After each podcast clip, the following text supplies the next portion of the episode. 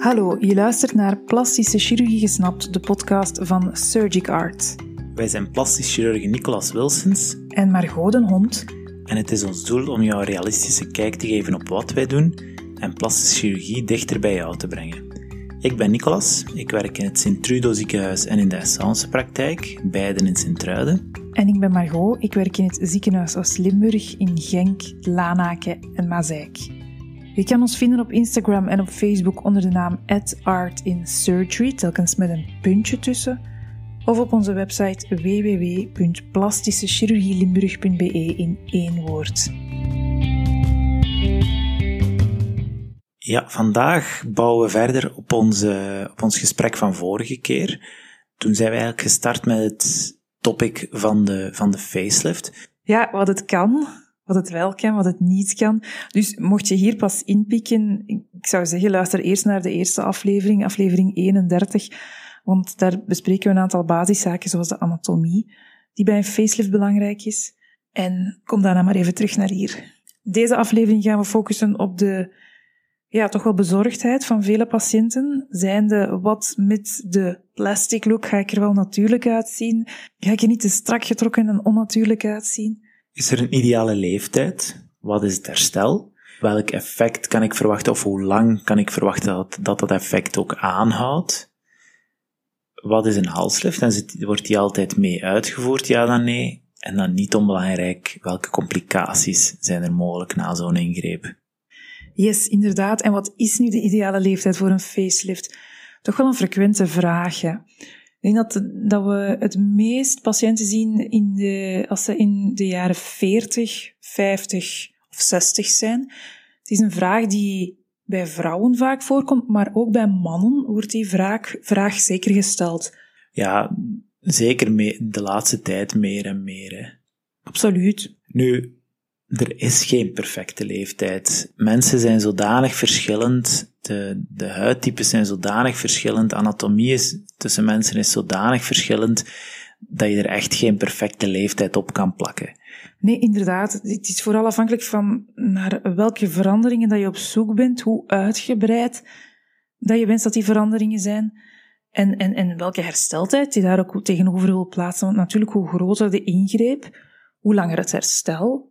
Ja, en afhankelijk van jouw wensen en, en jouw specifieke anatomie, jouw specifieke lichaam, jouw specifiek gelaat, kunnen wij dan een advies formuleren. En we hebben het vorige keer al gehad over wat de verschillende opties dan zoal ze zouden kunnen zijn. Dat gaat voorna- voornamelijk daarvan afhangen.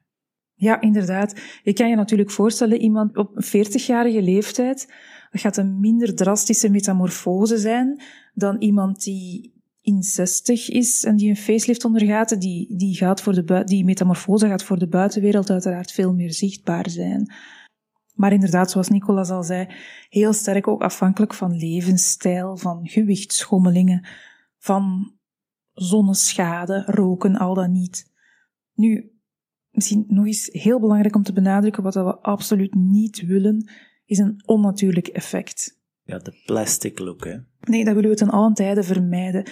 En, en daarbij, facelift associëren mensen vaak met, met ja, een soort van windtunnel-effect. Iemand die, die de huid strak naar achter getrokken heeft met een horizontale vector, waarbij dat er agressief wordt getrokken aan de huid. Maar dat hebben we in de eerste aflevering ook al gezegd.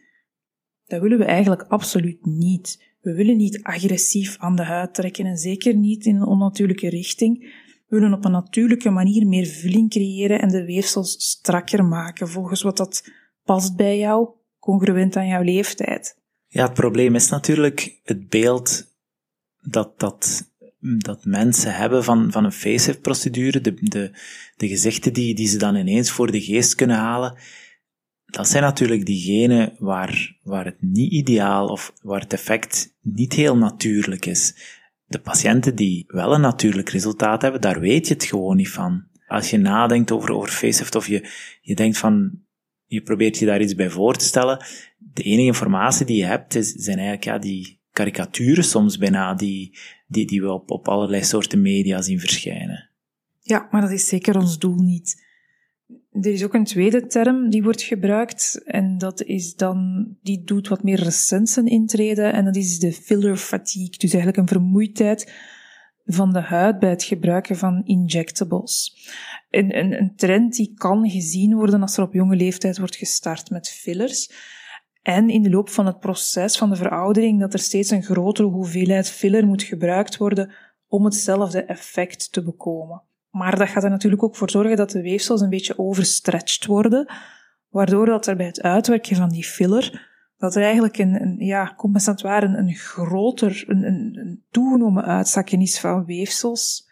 En ook daar is het belangrijk om, om iemand, een behandelaar in injectables te kiezen met de juiste ervaring. Iemand die weet wat hij of zij aan het doen is en waar ook te zeggen van dit kan en dit kan niet meer. En we gaan niet jouw gezicht nog meer opblazen, maar er zijn misschien meer invasieve technieken nodig om een goed effect te bekomen.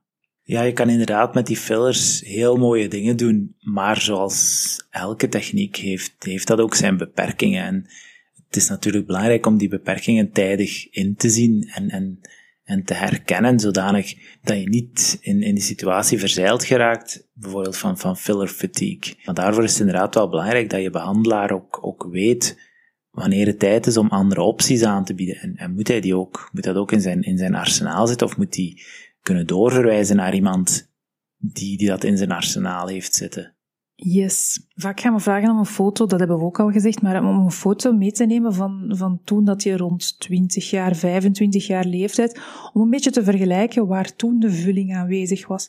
Om ook net te streven naar dat natuurlijk resultaat en om niet plots op een onnatuurlijke plek meer vulling te geven. Nu iets anders, het herstel van een facelift. We hebben daar eigenlijk al een podcastaflevering over gemaakt. Als je even teruggaat in aflevering 14, dan ga je eigenlijk al heel wat info vinden over het herstel van een facelift. Wat dat we daar zeggen en wat dat we misschien nog eens moeten herhalen is, er treedt zwelling op, er zijn blauwe plekken. En vlak na de operatie heeft dat toch wel een impact over, als je in de spiegel kijkt, kan dat echt wel schrikken zijn. Dus waar we ook altijd naar gaan peilen, dat is jouw sociale context. Dat je goed omringd bent en dat je met je twee voeten stevig op de grond staat met realistische verwachtingen als je die hele operatie ondergaat. Omdat er misschien een moment gaat zijn na de operatie dat dat toch niet zo evident gaat zijn, dat herstelproces, en dat het, dat het deugd kan doen om iemand aan jouw zijde te hebben om jou te ondersteunen. Zeker, want we leggen uh, na de operatie, op het einde van de ingreep, leggen we een hemostatisch net aan, een Auersvald net. En dat zijn eigenlijk hechtingen die door de huid worden geplaatst om de diepere lagen te fixeren, om de meest frequente complicatie van een facelift, om nabloeding, om die te voorkomen en ook om een liftend effect te hebben op het gelaat.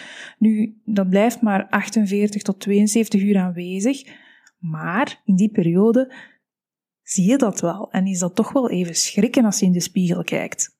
Nu, hoe lang het effect van zo'n facelift-procedure aanhoudt, is, is natuurlijk afhankelijk van welke techniek er gebruikt wordt. dat is heel belangrijk. Maar ook van opnieuw van, van jou als patiënt. Ben jij iemand met, met een slechte huidkwaliteit? Ben je iemand die rookt?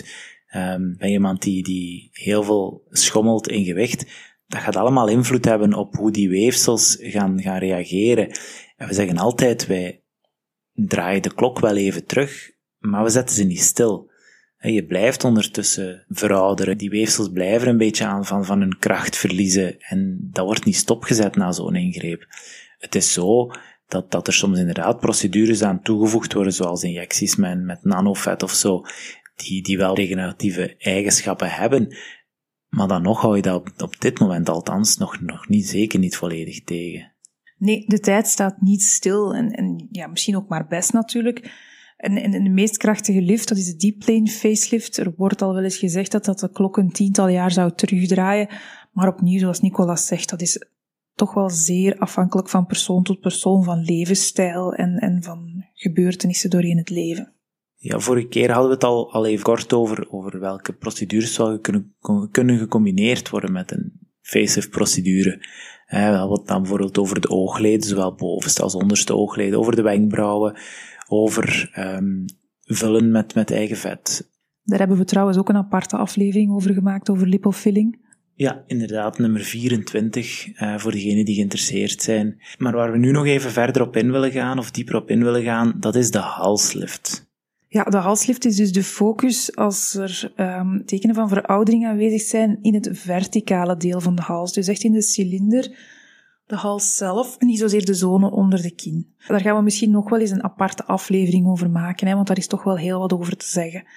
Nu, bij een halslift ligt de focus dus op het, het verticale deel van de hals.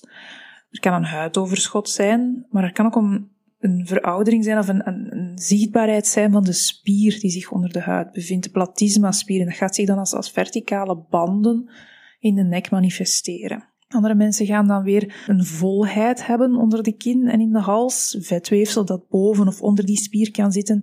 En al die zaken die kunnen met bepaalde technieken ook gemanipuleerd worden. De speekselklier, de submandibulaire speekselklier die zich onder de kaakrand bevindt, die kan ook een zekere volheid geven, dus die kan eventueel ook deels verwijderd worden. Het is allemaal een beetje afhankelijk van het specifieke profiel van de hals en de vraagstelling van de patiënt natuurlijk. Maar daar gaan we het misschien in een andere aflevering nog eens meer in detail over hebben. Een facelift is een heelkundige ingreep en aan een heelkundige ingreep, daar kunnen complicaties aan vasthangen. De meest frequente complicatie bij deze ingreep is een hematoom. Dus er zijn een paar veiligheidsmechanismen die we inbouwen om dat risico zoveel mogelijk te verkleinen ja, een, een, nabloeding, ons gezicht is zo goed doorbloed, dus een, een, kleine schommeling in de bloeddruk kan ervoor zorgen dat er een stolseltje lost, dat er ergens een bloedvatje begint te sijpelen. En waar er vroeger vooral een, een drain geplaatst werd, dus een buisje om het vocht af te voeren, zijn we nu overgestapt naar een, naar een helemaal andere techniek. Het net, het hemostatisch net, wat we daar straks al vernoemd hebben. Waarbij eigenlijk heel de zone van, van huid die losgemaakt wordt, van de onderhuidse weefsels gefixeerd wordt door draadjes die door de huid worden geplaatst en die dan 48 tot 72 uur aanwezig blijven. We gaan, we gaan op voorhand dus ook altijd goed screenen. Iemand met verhoogde bloeddruk, arteriële hypertensie.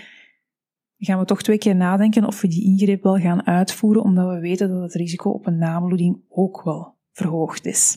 Een andere complicatie is bijvoorbeeld een wondprobleem. Ook daar is heel belangrijk het vlak waarin dat de huid wordt losgemaakt en dat de huid niet onder spanning gesloten wordt. Vooral bij rokers dat we dat zien. Eh, en daarom is dat eigenlijk voor ons een, een contra-indicatie om, om zo'n ingreep uit te voeren. Absoluut. Roken en een facelift gaat niet samen. Dus dat is een absoluut een no-go om die operatie uit te voeren. En dan de meest toch wel ernstige complicatie, denk ik, dat we het mogen noemen, dat is zenuwschade. Meest frequent bij zenuwschade gaat er een takje dat verantwoordelijk is voor het gevoel aangetast zijn en dan meestal rond het oor. Iedereen gaat sowieso een periode na de operatie een gevoelloosheid of een verminderde gevoeligheid ervaren van de huid tussen het oor en een paar centimeter daarvoor. Maar dat kan ook echt zenuwschade zijn. En dan kan het oor of een stuk van de oorlel een uh, verlies aan gevoel hebben. De meest ernstige zenuwschade komt van een verlamming van de aangezichtszenuw, waarbij dat er een tak van de aangezichtszenuw beschadigd is. En dat er dus een deel van de spieren in het aangezicht niet meer naar behoren werken. meest frequent gaat dat over het afhangen van de mondhoek of het optrekken van de wenkbrauw. Dat is quasi altijd een, een tijdelijk fenomeen, eerder door, door een tractie op de zenuw bij het liften, door de zwelling. Maar in zeer zeldzame gevallen kan het ook echt permanente zenuwschade zijn, waarbij dat een bepaalde beweging in het gelaat aan één zijde niet meer uitgevoerd kan worden. Het is dus van belang dat wanneer je kiest voor een behandelaar, dat je ook wel zeker bent en dat je op, op voorhand voldoende referenties checkt, dat dat iemand is die, die weet wat hij doet. dan gaat het bij chirurgie zoals altijd over, over een grondige kennis van de anatomie, ervaring met opereren in die weefsels, want ja, het, het kan toch wel echt fout gaan. Absoluut. En zeker bij de nieuwste technieken, de deep lane facelift, is dat een extra aandachtspunt. Gaan we afronden? We gaan afronden. Oké, dat waren twee afleveringen over facelift. Er zijn waarschijnlijk nog wel wat vragen over facelift. Dus als die er zijn, dan mag je ons altijd een, een seintje geven via onze online kanalen. Tot de volgende keer. Dankjewel voor het luisteren. Dag.